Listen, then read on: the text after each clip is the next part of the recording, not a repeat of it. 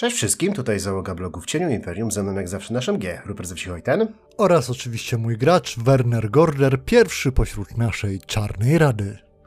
Tak, a dziś przyjrzymy się szefowi rzeczonej czarnej rady, mianowicie Malekitowi, jego postaci, jego dokonaniom, jego historii, jego osobie. Dokładnie.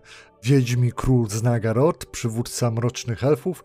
Postać, która jednak odcisnęła piętno i na świecie Warhammera i wśród fanów jest albo kochana, albo nienawidzona, więc trzeba mu troszeczkę poświęcić czasu. No i to niemniejszym uczynimy.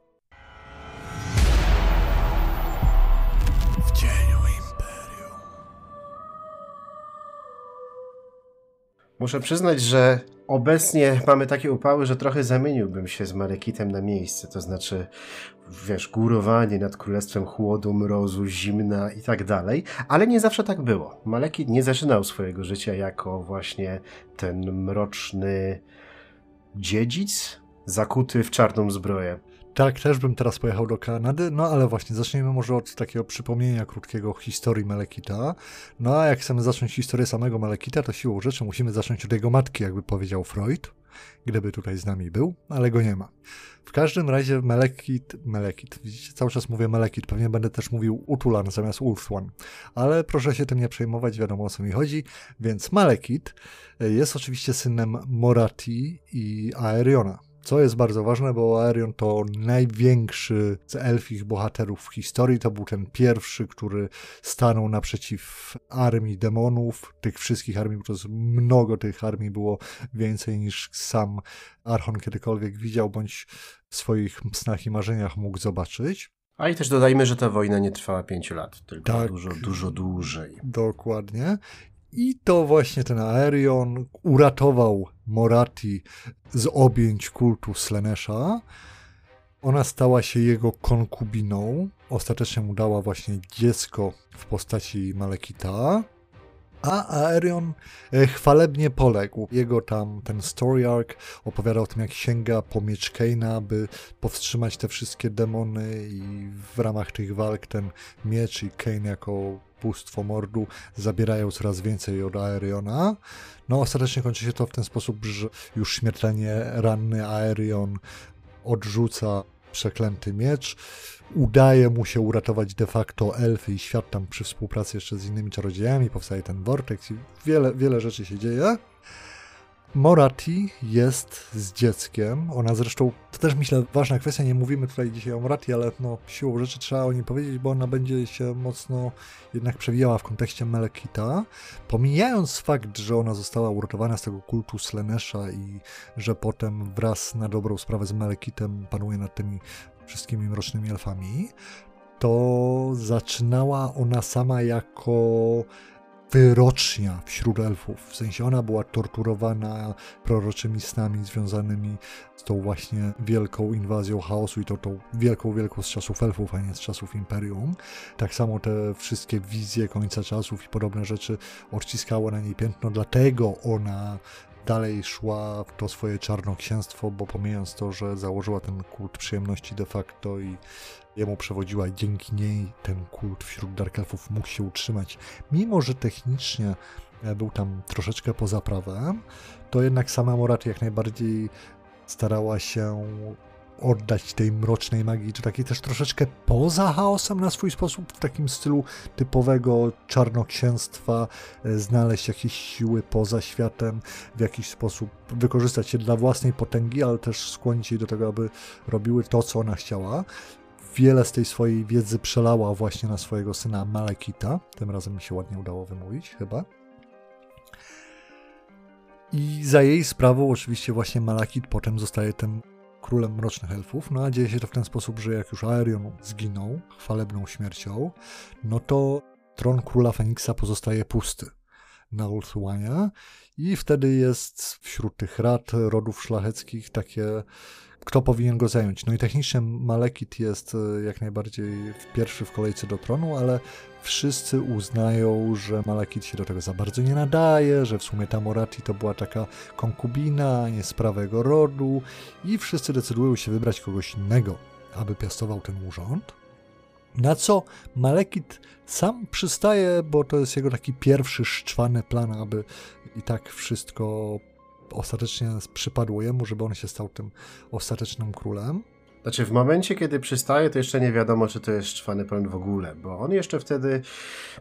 Dwie rzeczy. Po pierwsze, on nie jest pierworodnym synem Aenariona. Aenarion miał starszego syna, Malekith ma brata przyrodniego, ten brat przyrodni nazywał się Morelion i nawet zakładając, że u wysokich elfów korona królewska miałaby przechodzić na najstarszego syna, no to Malekith tym najstarszym synem nie jest. Ale tak naprawdę w tamtym czasie tradycja elfów wysokich skupiała się wokół Everqueen i to one były jedynym takim, no, z jednej strony ośrodkiem kultury, ale też władzy na Ultuanie. Nie było jeszcze wtedy ani tradycji wyboru króla, ani tego, że ta pozycja ma być dziedziczona. Tak. Przy czym akurat wtedy jeszcze wszyscy myśleli, że Morellion nie żyje, bo to tam było dużo zamieszania. On potem wrócił z powrotem na Ultuan, to jest zupełnie inna historia. Więc e, ród Aenariona nadal istnieje i na przykład jego potomkowie rządzą w Laurelorn. To taka ciekawostka zupełnie na boku. To jest jedna rzecz. No a druga rzecz, że Malekit rozpoczyna wtedy swoją, z jednej strony swoje własne podróże po całym świecie, zwiedza świat, wycofuje się z polityki na Ultuanie, bo dochodzi do wniosku, że może jednak lepiej by było, gdyby ten potencjalny dziedzic nie był na tym Ultuanie wtedy i nie przeszkadzał Belshonarowi. Poza tym to jest w ogóle ten okres, kiedy elfy eksplorują bardzo świat, więc Malekit się w to rzuca w ten wir, pływa po świecie, zwiedza kawał świata, poznaje ciekawych ludzi. Na przykład zaprzyjaźnia się z krasnoludami, co się też później okaże się dość istotne. Ale przy okazji, gdzieś w ruinach północnego miasta, na granicy pustkowi chaosu, które ma być starsze niż nawet cała cywilizacja elfów, znajduje taką koronę. No i ta korona zaczyna go bardzo intrygować, a on postanawia odkryć jej wszelkie sekrety. No i ta korona zaczyna podpowiadać mu różne dziwne rzeczy. Więc to jest drugi taki wpływ, który nie jest może koniecznie pozytywny, zaraz po jego matce, która jest bardzo ambitna. Nawet zakładając, że miała różne wizje, no to jej syn ma być władcą. No, to zresztą świat Warhammera jest niebezpieczny w ten sposób, że tam jest wiele koron, na które można się natknąć, których lepiej nie zakładać. Dokładnie. Sigmar miał podobny problem.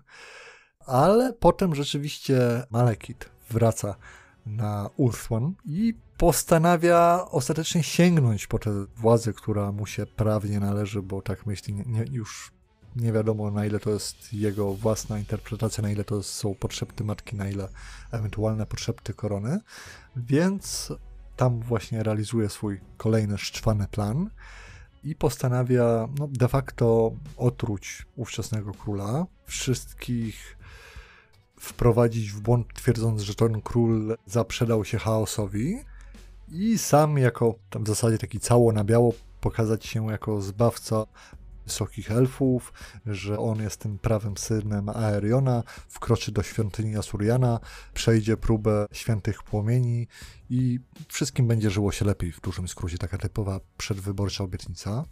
Tak, tutaj trochę zapomniałeś wspomnieć o tym, że on wcześniej, zanim właśnie zaczął ten swój szczwany plan knuć, to on otrzymał zadanie wyplenienia kultów przyjemności, które się na Utuanie zalęgły, więc on miał gonić wszystkich za to i okazało się, że jego matka jest szefową tego wszystkiego. Długa historia, zupełnie osobna, też nie na ten odcinek, no ale to nie jest tak, że tutaj da się to oddzielić od właśnie tej historii i matki, jej pomysłów, więc tak, kontynuuję. Tak, jak najbardziej. No i rzeczywiście udaje mu się, jest świątynia Suriana, jest ta nie ma strasza Suriana, Feniks Gardzi, Melekit wchodzi na platformę tych płomieni, wstępuje w nie i mając zostać odmieniony tak jak jego ojciec i ma być potwierdzone to jego panowanie nad wysokimi elfami jako króla Feniksa i prawda, to potwierdzenie od Boga, jego ojca i wysokich elfów, no to tu się nie udaje. I to się nie udaje dość spektakularnie. Te święte płomienie palą i okaleczają jego ciało.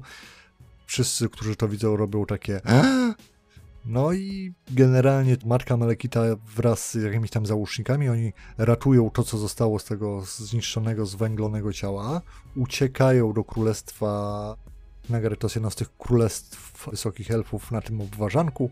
tam na północny zachód, po zewnętrznej stronie Obwarzanka, jeśli dobrze pamiętam.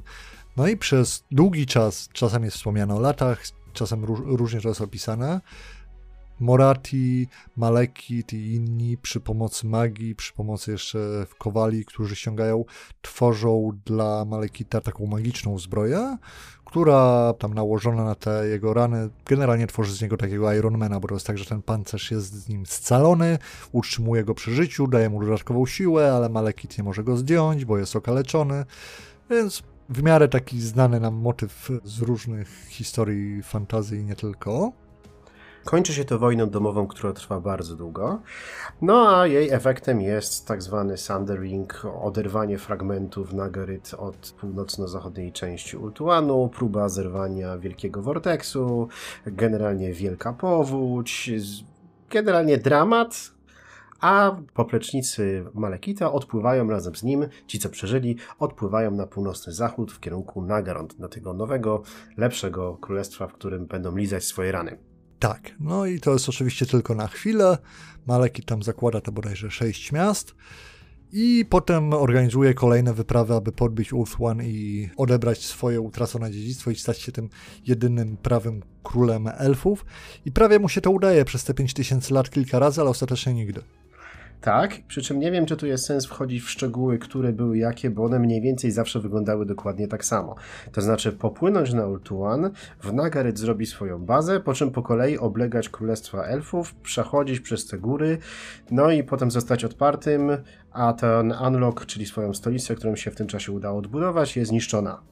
I tak chyba trzy razy. Generalnie, jeśli chodzi o strategiczne podejście, to tutaj, no powiem Ci tak, no są różne siły, które się szybciej uczą niż Malekit. Ma mamy napisane w Armii Bookach do Dark Elfów, że Malekit jest wyjątkowym wojownikiem, strategiem i politykiem. I to nie znajduje potwierdzenia w tych pięciu tysiącach lat historii, do których mamy dostęp. No właśnie to jest najgorsze w tym wszystkim, że zupełnie nie znajduje, bo jeżeli byśmy oceniali go jako wojownika, no to może okej, okay, latanie na smoku, jeżdżenie na tym swoim rydwanie i tak dalej, te wszystkie opisy walk, jak najbardziej wojownikiem jest świetnym, jednocześnie arcymagiem i tak dalej, tym podobne, super. Problem polega na tym, że w zasadzie nie ma tam opisanej żadnej takiej politycznej akcji, która by uprawdopodobniała to, jak bardzo on jest genialnym strategiem czy politykiem.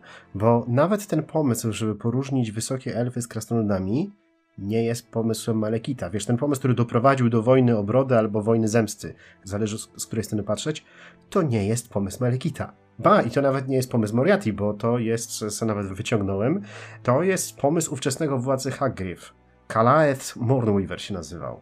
No to jest właśnie, Malekit ma ten problem, co mają wszyscy ci bardzo źli przedstawiciel frakcji Warhammerowskich jak Archaon, że oni są tak bardzo źli i tak bardzo świetni w tym, że są źli, a jednocześnie na dobrą sprawę nic im się nie udało osiągnąć.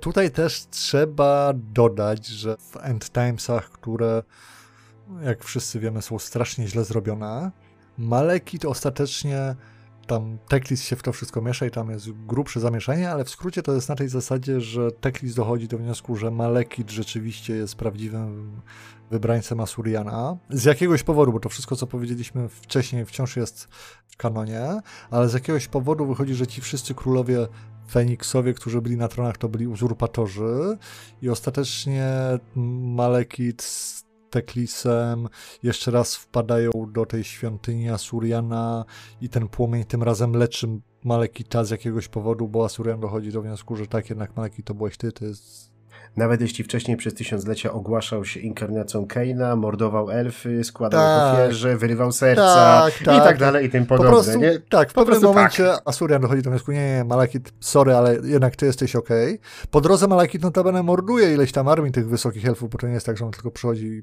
mówi, cześć, słuchajcie, teraz jest okej, okay. tylko to tam trzeba swoje pozabijać. No i rzeczywiście wychodzi na to, że jest okej okay i on wtedy jest tym królem wysokich elfów. Ja tutaj tak muszę teraz, wiecie, mały krok w bok, żeby też nie było wątpliwości. Ja jestem trochę stronniczy jako ktoś, kto w battle grał wysokimi elfami, więc oczywiście z założenia musiałem marudzić na te mroczne elfy. Ale w celu się przekonania do tego odcinka, ponieważ nie mam teraz za bardzo możliwości grania w Battle, Total War mi nie podszedł. Twardo grałem Age of Wonders 4 Dark Elfami, specjalnie sobie zrobiłem Dark Elfy z Moratti ze wszystkim i mordowałem, paliłem, brałem niewolników i tak dalej. Powiem tak, to jest super do grania właśnie w wielkie strategie, to jest super do grania przy stole batlowym Dark Elfami i tak dalej, ta cała narracja o tym, jak one są złe, biorą tych niewolników, mordują, mają zabójców, same się wzajemnie w różnych spiskach wyżynają. To jest super jako taka taki ogólna otoczka fabularna do właśnie budowania armii, malowania tych figurek i tak dalej. Niestety Dark Elf jako takie, moim zdaniem, tak samo jak i Malekit, który no, jest pierwszym pośród nich, tak naprawdę on uosabia wszystko to, co Dark Elfy też mają uosabiać na swój sposób i na odwrót, bo to się tam zmienia, siłą rzeczy dowodzi tymi Dark Elfami przez 5000 lat. Problem jest taki, że jak chcemy cokolwiek w tym ich lore znaleźć więcej, coś ciekawszego, coś, co nie jest tylko złe, złe, złe i niedobre, to tego tam nie ma. Na swój sposób twórcy Warhammera naprawdę strasznie skrzywdzili zarówno same Dark Elfy, jak i Malekita moim zdaniem nie dając im jakiegokolwiek tego tak lubianego przez nas w Warhammerze, prawda, koloru szarości. Po prostu mroczne elfy są tylko złe. W niektórych armiebookach są wstawki o tym, że mroczne elfy na dobrą sprawę to są gorsze niż wojownicy chaosu, bo ci wojownicy chaosu to jednak służą tym potęgom i tak dalej, to w jakiś sposób ma sens, a mroczne elfy są złe dla bycia złymi, bo są złe jak spojrzymy na to na przykład w ten sposób na wysokie elfy, które niby mają te złote zbroje, czy srebrne, błyszczące, pełne klejnotów i tak dalej, którzy trochę mają być zbawcami tego świata, troszeczkę za takich się uważają, to znajdziemy też ostatecznie w lore jakieś negatywne rzeczy o tych elfach, bo one są zadufane w sobie, one mają ten swój izolacjonizm, one tylko patrzą na siebie, zapominają o innych, mają swoje wady, mają swoje ciemne strony. Natomiast jeżeli chcemy znaleźć jakieś dobre strony wśród mrocznych elfów, to to się po prostu nie udaje, nie mamy tym, tego nigdzie w wspomnianego, a z Malakitem jest najgorzej.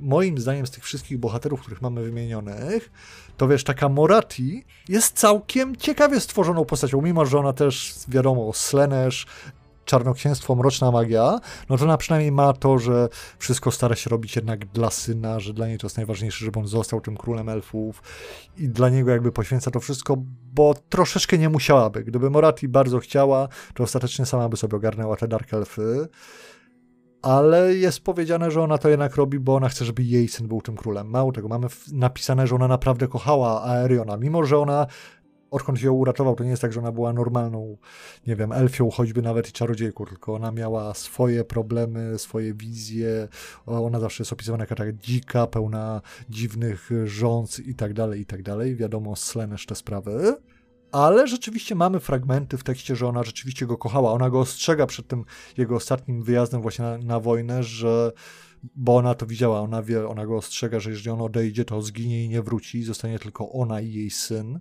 i jej syn zostanie tym królem elfów, a ona go prosi, żeby on został na swój sposób i on ją jednak zostawia, więc ta Morati, ta pierwsza pośród wiedźm mrocznych elfów, która założyła ten kult przyjemności, która jest odpowiedzialna praktycznie za wszystkie złe rzeczy, jak nie bezpośrednio, to pośrednio, które się wydarzyły wśród elfów wysokich i mrocznych.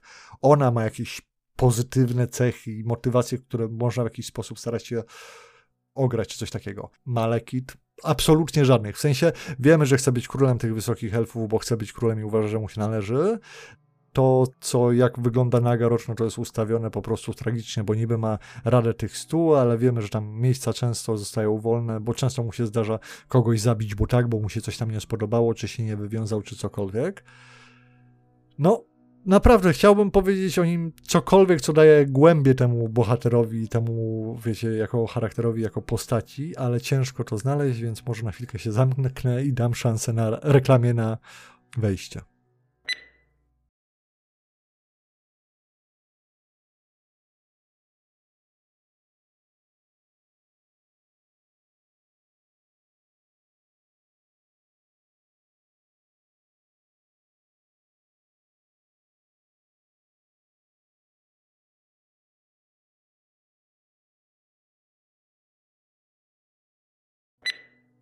A ja się z tobą nie zgodzę, przynajmniej co do Dark Elfów, bo te takie ciekawsze rzeczy trudno stamtąd wyciągnąć, ale one tam są. One nie są powiedziane wprost, ale wyciągaliśmy je swego czasu. Mieliśmy cały odcinek na ten temat, w związku z czym to nie jest tak, że mroczne elfy muszą właśnie wyglądać tak strasznie mroczno, jakby się mogło wydawać na podstawie tylko tych małych fragmentów opisów w podręcznikach.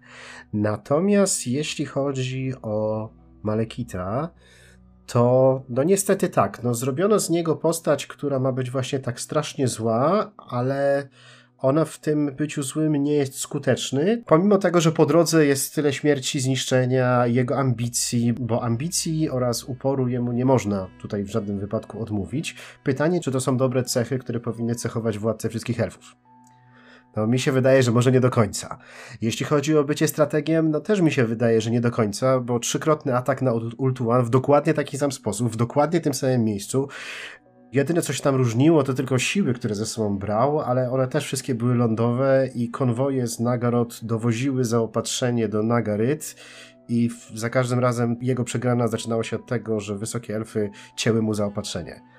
Więc wydawać by się mogło, że może przy drugim razie już by się nauczył, że może teraz wypadałoby zaatakować może, nie wiem, gdzie indziej, albo może zbudować jeszcze większą flotę niż Ultuan ma. Nie wiem. Ja nie jestem strategiem, ja nie siedzę na tym czarnym tronie, ja nie mam żadnej korony. I teraz przybiega jeden z tego jego Black Chamber i mówi, panie, ale czwarty raz z rzędu się tego na pewno nie spodziewają. Żody się nie spodziewa. Natomiast nie do końca się zgodzę z tym, że nie próbowano mu dodać takich rysów właśnie ciekawszej postaci. Natomiast zaczęto się za to zabierać dopiero w ósmej edycji. Nie wiem, czy przypominasz sobie Alisarę, żonę Malekita. Mhm. Właśnie, ona pojawia się dopiero w ósmej edycji jako wzmianka w podręczniku do Udelfów, gdyż była siostrą Ariel, która miała się zaszyć potem w Ateloren, patrząc ze łzami w oczach, co to złego się stało z jej ukochanym po drodze, po tym jak trochę zwariował, zamknięto go w zbroję i tak dalej, ale po jakimś tam czasie, tysiącu czy dwóch lat opłakiwania tego wszystkiego i życia w samotności, doszła do wniosku, że może ona wpłynie na niego, żeby trochę go zmienić. No i skończyło się to tym, że na skutek intrygi Morati ta żona zginęła, o czym dowiedział się Malekit, że stała za tym wszystkim Morati, w związku z czym, kiedy następnym razem Morati prosiła o pomoc, na przykład drogi synu, wyślij wojska, to drogi syn powiedział, palcem nie kiwniemy, radź se sama. Więc tutaj zaczęto wprowadzać takie elementy, które niuansowały jakoś tą postać, no, ale wydaje mi się, że to było trochę za późno i trochę za mało. W związku z czym no, nie mamy takiego odczucia, że ta postać jest niuansowana w żaden sposób. Tak, swoją drogą a propos jeszcze Morati, bo to też wydaje mi się, że trzeba wspomnieć. I tutaj troszeczkę Malakir chyba wychodzi jednak na takiego rozwydrzonego gówniarza, bo pamiętajmy, że ten ich układ to jest taki mocno edypowy, bo jest to opisywane z jednej strony tak matka i syn. Ona go oczywiście uczy tej czarnej magii, ale są też sugestie czy plotki, że mogą być kochankami. To jest propaganda Phoenix Kinga. E, tak, czwarta edycja Armii Buka Dark Elfów nam o tym wspomina. Propaganda Phoenix Kinga. propaganda Ultuado. I to też jest ciekawe, bo właśnie jak mamy opisy o Morati, to często jest napisane to w ten sposób, że Malekit chce ją niejako mieć przed oczyma w tym sensie, że nie chce, żeby coś tam planowała za jego plecami, że on uważa, że ona jest niebezpieczna. Oczywiście tylko jakieś spiski, zdrady, kombinacje z jej strony, to jest tylko to, czego można się spodziewać, bo było, nie było, jest tą mroczną elfką, pierwszą pośród tych czarną księżnic de facto, a przy okazji witch elfek i w ogóle. No ale z drugiej strony ona sama chyba nigdy niczego de facto złego wbrew Malekitowi nie robi. W sensie wiemy, że... Nie no, tylko żonę mu zabiła. No, mówię przeciwko niemu, tak? A, wprost, no nie, przeciwko niemu, nie no, w końcu jest to jej syn. Wiesz, to z, z całą pewnością w jakiś tam sposób stara się nim manipulować. Nie twierdzę, że nie, no w końcu matka. Ale wiesz, no to ona po pierwsze go osaliła po tych płomieniach i tak dalej, bo to prawdopodobnie przy jej magii udało mu się to przeżyć i ostatecznie z tą zbroją, żeby działało. Ona go uczy całej tej mrocznej magii. Jeżeli Malekit czegoś nie potrafi, to bardziej jest kwestia tego, że może sam nie chciał tego zgłębiać, albo nie był na tyle zdolny, a nie na tyle, że ona trzymała przy nim jakieś tajemnice, chociaż to jest dyskusyjne. Ale wiesz, no stara się kobieta jak może, co by nie mówić, żeby dać mu szansę na to, żeby zasiadł na tym tronie. Tak, to, żeby on był na tym tronie, to jest zdecydowanie jej ambicja, ale wiesz, wszystko robi po to, żeby mu się udało to w, jakiś sposób osiągnąć. No, on mówi zwykle nie, nie, matka, matka, matka nie przesadza i matka to coś tam kombinuje i tak dalej, co jest też takie, wiesz, troszeczkę, no bez sensu na dobrą sprawę, bo to wynika z tego, że te wszystkie mroczne elfy muszą knuć każde przed sobą, więc one zawsze są tak opisywane w tych wszystkich radach i tak dalej. Chociaż Malekit niby ma tam tego swojego przywódcę straży, który jest lojalny aż po śmierć, bo z jakiegoś powodu te mroczne elfy albo cały czas knują przeciwko sobie, ale niektóre są strasznie lojalne i tyle. No i właśnie jest ta sytuacja z matką, która ona w ogóle jest troszeczkę jakby poza prawem, jest na tym statusie specjalnej doradczyni, ten jej cały kult, którego państwowo niby się nie uznaje, to wciąż ma prawo działać. I Malekit cały czas mówi, że no, trzeba na nią uważać i wychodzi z takiego założenia, a z drugiej strony ona, mówię, cały czas go wspiera, więc to też jest takie słabe. Natomiast też z ciekawych rzeczy, na które zwróciłem uwagę, właśnie tak patrząc na Army Booki, troszeczkę zostawiając kwestię czysto lorową, ale Kit też się ciekawie zmieniał na przestrzeni lat edycji i stołów, ponieważ, nie wiem, ja go zawsze kojarzyłem na tym swoim, prawda, czarnym, wielkim smoku. Tu jest jeden element, gdzie mi się podobało, co twórcy Warhammera zrobili, ponieważ w czwartej edycji Malekit jeździ na swoim czarnym rydwanie, co chyba miało wyglądać jakoś inaczej niż ci dowódcy wysokich elfów, którzy właśnie zwykle byli na smokach. Malekit miał czarny rydwan zaprzężony w koldłany. To się jakoś nieszczególnie przyjęło i właśnie w szóstej edycji, jak wychodzi nowy Army Book do mrocznych elfów, to Malekit już ma możliwość siadzenia na tym swoim smoku. Jest fajnie opisane, że właśnie Malekitowi udało się zdobyć jakieś smocze jaja, że z pierwszych się wykluły, stąd ma tego smoka i to tu jest fajnie pokazany progres, prawda, w świecie Warhammera w jakiś sposób przez te 5000 lat tej cholernej wojny, gdzie nic się nowego i ciekawego nie dzieje, bo tylko na, czarne elfy najeżdżają, dobre się bronią i na odwrót to wreszcie mam coś, okay, coś się zmienia. Mroczne elf nie mają takiego dostępu do magii i tak dalej, ale zawsze był ten fragment o tym, że oni mają tych swoich mistrzów bestii, którzy biorą, zgarniają te różne dziwne stworzenia z Nagarot, z Lustri i szkolą je do walki. No i rzeczywiście fajnie. Mroczne elfy mają teraz swoje smoki, Malaki teraz jeździ na, na swoim smoku.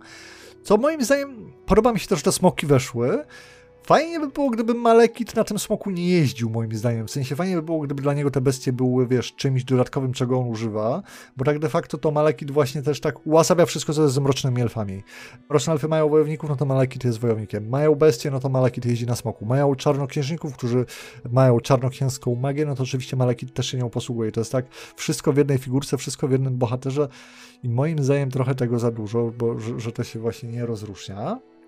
I też propos tego, jak właśnie Malekita mieli robić złego, to w szóstej edycji zamiast tarczy, którą zwykle Malekit dzierży, która tam odbija zaklęcia i w ogóle jest taka antymagiczna, Malekit dostaje coś, co się nazywa Hand of Kind, czyli taką zbroję, rękawicę z długimi palcami. To jest jakiś tam artefakt właśnie od Kane'a, który Malakitowi pomaga zabijać wszystko, co jest na stole. No i oczywiście z tą rękawicą w jednej dłoni, z mieczem w drugiej, figurka wygląda jeszcze groźniej, straszniej i śmieszniej, zależy jak się na to patrzy, ale od tego też się odchodzi, więc fajnie jest to, że autorzy próbowali coś tam zmieniać z tym Malekitem.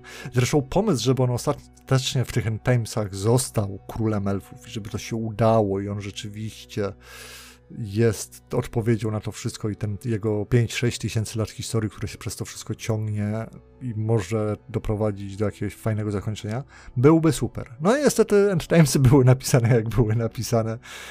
I to wszystko tak średnio się skleja i uważam, że akurat fani mrocznych elfów chyba mają prawo się czuć troszeczkę bardziej oszukani niż reszta fanów Warhammera tym wszystkim, co się wydarzyło. No, do pewnego stopnia na pewno.